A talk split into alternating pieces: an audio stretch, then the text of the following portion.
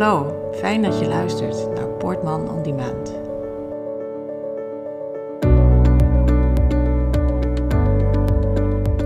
Ja, goedemiddag Martin. Uh, wij nemen hier een podcast op en het gaat over een heel afschuwelijk ongeluk.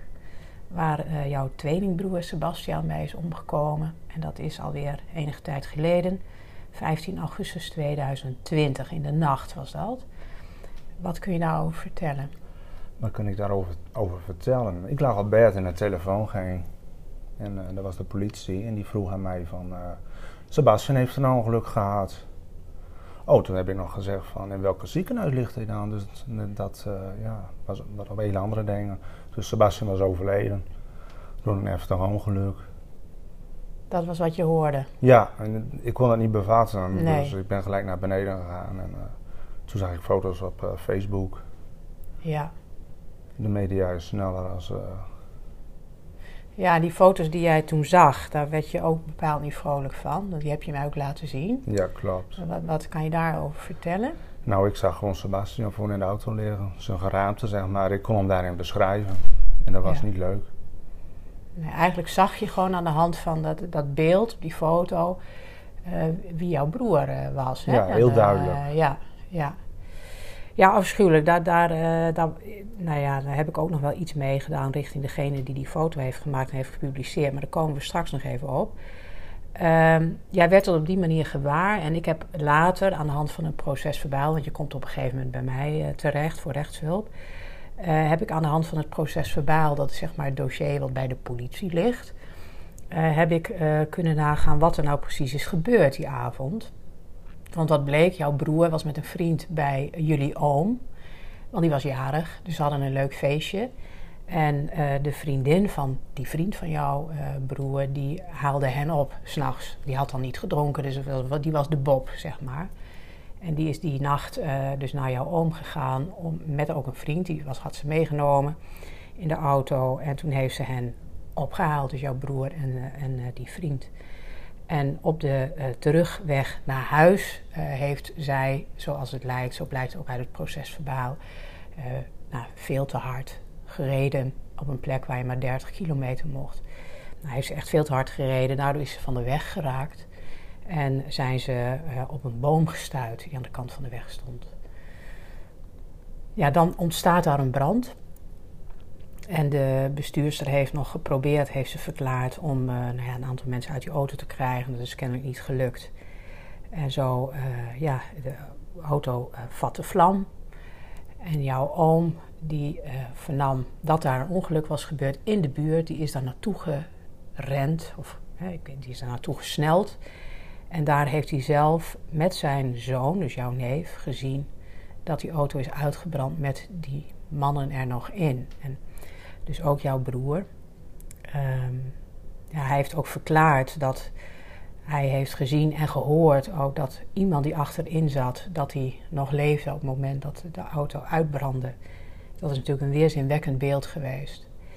Uh, zoals wij nu uh, hebben kunnen vaststellen, was jouw broer uh, wel op slag dood. Dat is misschien een bepaalde geruststelling, want daar ben je natuurlijk ook mee bezig als, ja, als tweelingbroer, als nabestaande.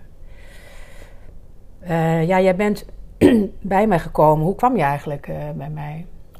Uh, de politie zei je moest contact opnemen met slachtofferhulp. Die heeft mij goed geholpen. En die zei van ik moest contact opnemen met het, ja, met, met, wat was dat ook alweer? Met het punt letselschade. Ja. Wat ja. nu het vorm is. Ja, zo kwam je bij mij uit. Ja, het vorm. Ja. ja. En op dat moment wisten jullie eigenlijk, nou ik zeg jullie, want na jou kwamen ook de andere nabestaanden bij mij wisten jullie eigenlijk niet heel veel meer dan dat dit vreselijke ongeluk was gebeurd. En bij jullie was wel een hele belangrijke vraag van, nou, wat is daar gebeurd? Hè? Wat, hoe heeft dit kunnen gebeuren? hoe zagen de laatste minuten van mijn zoon, mijn broer, uh, mijn vader, mijn partner eruit? Uh, en jullie wilden ook weten van, ja, wat, wat hebben wij voor rechten eigenlijk hè, als, uh, als nabestaanden? Wat kunnen wij en wat kunnen we verwachten? Nou, daar heb ik jullie denk ik goed in weten te begeleiden. En waar we uh, toen onder andere al heel snel op stuiten, was dat deze uh, dame die die auto bestuurde, dat die niet verzekerd was. Die reed in een onverzekerde auto. dat hadden jullie ook al gehoord of iets dergelijks, hè? Maar jullie, jij vertelde mij dat toen wel, dat je er zoiets dacht. Ja, klopt. Ik heb het gehoord. En toen heb ik ook tegen jou gezegd van... Ik heb gehoord dat jouw auto niet verzekerd was. Toen heb jij gezegd van dat ga ik allemaal nog uitzoeken. Dus het bleek wel zo te zijn dat de auto niet verzekerd was. Ja, ja. Ja, dat doe je dan eigenlijk aan de hand van het kenteken. En dan kun je Ja. bij de RDW nagaan, eh, was, zo, was die auto verzekerd of niet. Want in Nederland is het zo dat eigenlijk iedere auto moet verzekerd zijn tegen aansprakelijkheid.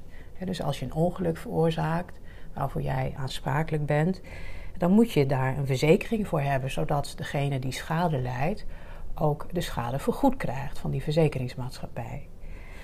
Nou is het in Nederland zo geregeld dat wanneer iemand rijdt in een onverzekerde auto, wat in jullie geval zo was, dan hebben we daar het waarborgfonds voor. En het waarborgfonds is dan eigenlijk hetzelfde als een verzekeringsmaatschappij. Dus de verzekeringsmaatschappij moet alle schade vergoeden die er wordt geleden. En dat moet in dat geval dan dus het waarborgfonds doen.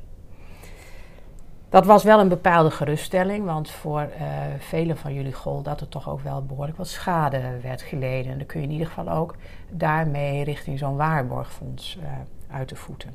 Wat we ook hebben gedaan, hè? want ik heb natuurlijk vervolgens het waarborgfonds ook daarbij betrokken. Ja, dan wilde je weten van hoe zit het met die toedracht. Daar heb ik net al wat over verteld. De anderen wilden dat ook weten. En dan kom je aan de hand van zo'n proces verbaal bijvoorbeeld ook op dingen als welke muziek werd er gedraaid in die auto.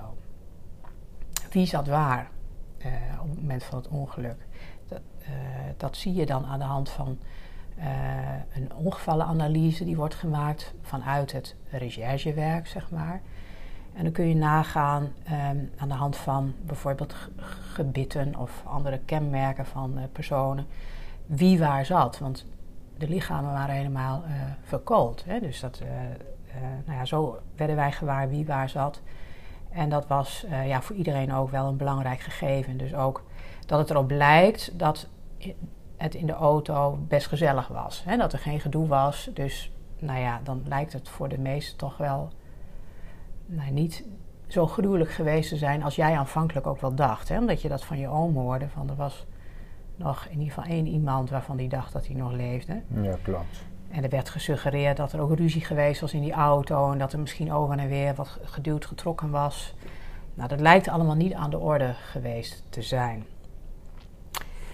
En dan is de vraag van ja, voor wat voor schadevergoeding komen wij eigenlijk in aanmerking? En ja, dan, ja, dan moet ik jullie uitleggen van dat is eigenlijk in Nederland best wel beperkt. Op het moment dat je nabestaande bent, dan ehm, nabestaande, dus als een, geliefde of een familielid van jou overleden is door bijvoorbeeld een ongeluk waarvoor iemand aansprakelijk is, ja, dan heb je eigenlijk ehm, niet zo heel veel rechten als je het hebt over schadevergoeding.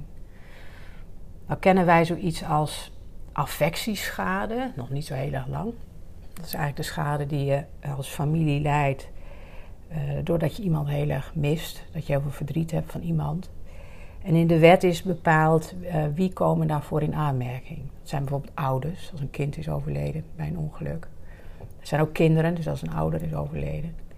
Maar in die wet staat niet dat ook broers of zusters daarvoor in aanmerking komen. En jij bent een tweelingbroer. Dus je bent een broer plus, zeg maar. En wat je mij ook vertelde was, je hebt een hele bijzondere band met je broer. Ja, klopt. Ja, dus dat zijn we gaan uitzoeken. Van, kan je daar misschien toch voor in aanmerking komen? Maar wat kan je vertellen over die band met jouw broer? Heel veel. Twee handen bij een bui. We voelen elkaar aan. Dat soort dingen allemaal. Wat hij weet wist ik ook. We hoeven elkaar maar even na te kijken. Mhm. Dus het is gewoon een hele gekke band. Je voelt elkaar echt heel goed aan. En jullie waren ook allebei alleenstaand, hè? Ja, allebei alleenstaand. En dan was je, wat ik begreep, in de weekenden vaak bij oma. Ja, elke zondag. Elke zondag. Samen, ja. En jullie vierden ook kerst altijd samen. Altijd. Ook, ja, kerst ook altijd samen. Ja, wie had ook alweer die boom? Er was iets Sebastian, ja, Sebastian had het in een kunstboom. Dus de eerste jaar toen dat hij, niet, dat hij er niet meer was, heb ik die kunstboom in de kamer gezet. Gewoon een, gewoon een klein beetje dat hij er nog bij was. Ja. Dus jullie waren heel erg close, hè? Dus dat is, Ja, dat is ook wel wa- waarvan ik dacht van ja, dan zou je toch eigenlijk wel mogen verwachten dat een waarborgfonds erkent dat deze band zo bijzonder was, dat je toch in aanmerking komt voor vergoeding van affectieschade. Ja. Maar het Waarborgfonds wilde er helemaal niets van weten. Hè. Zei van dat, uh, dat gaan we niet doen. Um, toen hebben we met het Waarborgfonds hebben we wel een regeling kunnen treffen over de vergoeding van shockschade. Want dat is dan eigenlijk wat er resteert. Als je dus nabestaande bent en je geconfronteerd geweest bent met iets verschrikkelijks, zoals in dit geval een ongeluk of de gevolgen daarvan, dan kun je daarvoor onder allerlei omstandigheden, maar dan kun je daarvoor in aanmerking komen. Daar hebben we gesprek over gevoerd met het Waarborgfonds. Althans één keer een gesprek bij mij op kantoor. En um, nou, ik denk dat dat ook van belang is voor de luisteraar. Van ja, wanneer kom je daar nou voor in aanmerking? Want lang niet iedereen wordt geconfronteerd met zoiets gruwelijks. En dat was bij jou ook een beetje twijfelachtig. Want meestal wordt er toch gezegd... je hebt er uh, naast moeten zitten, bewijzen van... Hè, als zo'n ongeluk gebeurt en je ziet dan wat er gebeurt... en je ziet wat de gevolgen daarvan zijn... Of je bent heel kort daarna op de plek des onheils geweest. Of je hebt misschien de betrokkenen geïdentificeerd en die zag er vreselijk uit. Of nou, dat soort dingen. Nou was jou, uh, jij was er niet bij hè. Je bent uh, nadien wel op de plek des onheils geweest. Hè? Dus je hebt wel gezien waar het gebeurt is. Je hebt er ook geroken, zei je hè. Uh, ja, dat was ook dat je zei, ik, een geur die vergeet ik nooit weer. Hè? Dat was, was natuurlijk ja, ook van ja, mensen die zijn er verbrand. Dus dat heb jij gewoon daar geroken. En gezien hè, hoe die auto daar gecrashed is op die, uh, op die boom. En um, je hebt je broer niet geïdentificeerd, maar dat kon ook niet, omdat jouw broer zo, uh, ja, ik noem het maar verminkt, hè, verkoold was. Um, maar desondanks hè, uh, heeft het Waarborgfonds wel gemeend dat er sprake is van shockschade. Dat kwam vooral ook omdat we een verklaring hadden van een psycholoog, waaruit blijkt dat er sprake was van een posttraumatische stressstoornis. Want dat is ook een vereiste. Hè. Die wordt door uh, onze hoogste rechter ook gesteld. Van, er moet sprake zijn van een in de psychiatrie erkend ziektebeeld, zoals dat heet. Mondvol. Maar dat is heel vaak bij dit soort confrontaties uh, met iets gruwelijks een posttraumatische stressstoornis. Dus in dit geval, in jouw geval, heeft het uh, Waarborgfonds erkend dat jij in aanmerking komt voor vergoeding van shockschade. En dat houdt dan in dat alle schade die je leidt, materieel en immaterieel, dat je die vergoed krijgt. Dat is ook gebeurd. Nou, toen dachten wij, we zijn er nu wel. Maar toen kwam er nog een strafzaak tegen uh, de bestuurster. En dat was uh, ook lang ongewis. Hè, komt die strafzaken? We zien dat vaak bij verkeersongevallen, dat er uh, vooral bij, of bij overlijden van, van betrokkenen of bij zwaar letsel, dat er toch een strafzaak uit voortkomt. Zij was zelf ook heel erg zwaar gewond, maar ze is wel strafrechtelijk vervolgd. En toen zijn wij ook naar die zitting gegaan. Want dat recht heb je dan ook. Hè. Je wordt ook uitgenodigd om bij zo'n strafzitting aanwezig te zijn. En dan mag je ook het woord voeren. Dat heb jij uh, niet persoonlijk gedaan, dat heb ik voor jou gedaan. Hè. Dan heb ik voor jou verteld wat voor impact dit uh, op jouw leven heeft gehad. Het gemis van jouw tweelingbroer Sebastiaan. En we hebben toen toch geprobeerd om die affectieschadevergoeding te krijgen voor jou. En een beetje wonder boven wonder toch wel, maar heeft die strafrechter gezegd: ja, in dit specifieke geval komt uh, deze tweelingbroer wel in aanmerking voor vergoeding van affectieschade. Dus dat is heel bijzonder. Hè? Dat zie je eigenlijk in de rechtspraak nou, tot nu toe niet. Nee, klopt. Dat had ik ook niet gedacht trouwens. Nee, dat hadden we niet verwacht. Nee. Hè? Ik, ik, ik, ik, ben wel voor iemand anders ben ik bezig met het, dat heet een bodemzaak. Dus dat is een gewone civiele procedure. Probeer ik dat ook van de civiele rechter hè, bevestigd te krijgen. Maar uh, ja, we hadden dit niet verwacht. Het is uh, gelukkig wel gebeurd. En um, nou, ik denk dat voor de luisteraar belangrijk is dat ze weten dat ook al lijkt het misschien dat alle stoplichten op rood staan. Dat op het moment dat je ziet dat iets toch wel heel specifiek is, hè, zoals in jouw geval, wat je beschreef, wat verband je had met je broer, dat het de moeite van het proberen waard is, op zijn minst. Hè, om daar een vergoeding voor te krijgen. Dan gaat het niet om het geld, maar het gaat om een erkenning, hè, wat je voelt. Ja, het is wel mijn tweelingbroer. En waarom zou ik daar niet een, affectieschadevergoeding voor moeten krijgen. Terwijl die band zo goed was. Terwijl misschien een ouder die helemaal niet zo'n goede band met, met zijn of haar kind had, dat gewoon automatisch wel krijgt. dus dat is denk ik in jouw geval uh, ja, goed, hè? heeft dat uitgepakt. En uh, ik hoop natuurlijk dat uh, meerdere mensen op die manier ook gaan proberen dat ze daar een vergoeding voor gaan krijgen. Mensen die een beeld willen hebben van waar heb je het dan over, hè? wat voor bedrag heb je dan over, want bij affectieschade gaat het om een vast bedrag. Staat in een soort regeling van, uh, van de wetgever. En uh, dan heb je het over bedragen gelegen tussen de 12.500 en de 20.000 euro. Bij shockschade is dat heel anders. Dat gaat om materiële schade en immateriële schade. En dat hangt dan dus helemaal af van de situatie aan zich. Nou, dat is eigenlijk wat ik met jou uh, wilde uh, delen en met de luisteraar wilde delen. Hè? Dat mensen weten van ja, wat uh, kun je nog op het moment dat een auto niet verzekerd blijkt te zijn. Nou, dan kun je dus hetzelfde als dat hij wel verzekerd is. Dan kun je bij het waarborgfonds terecht.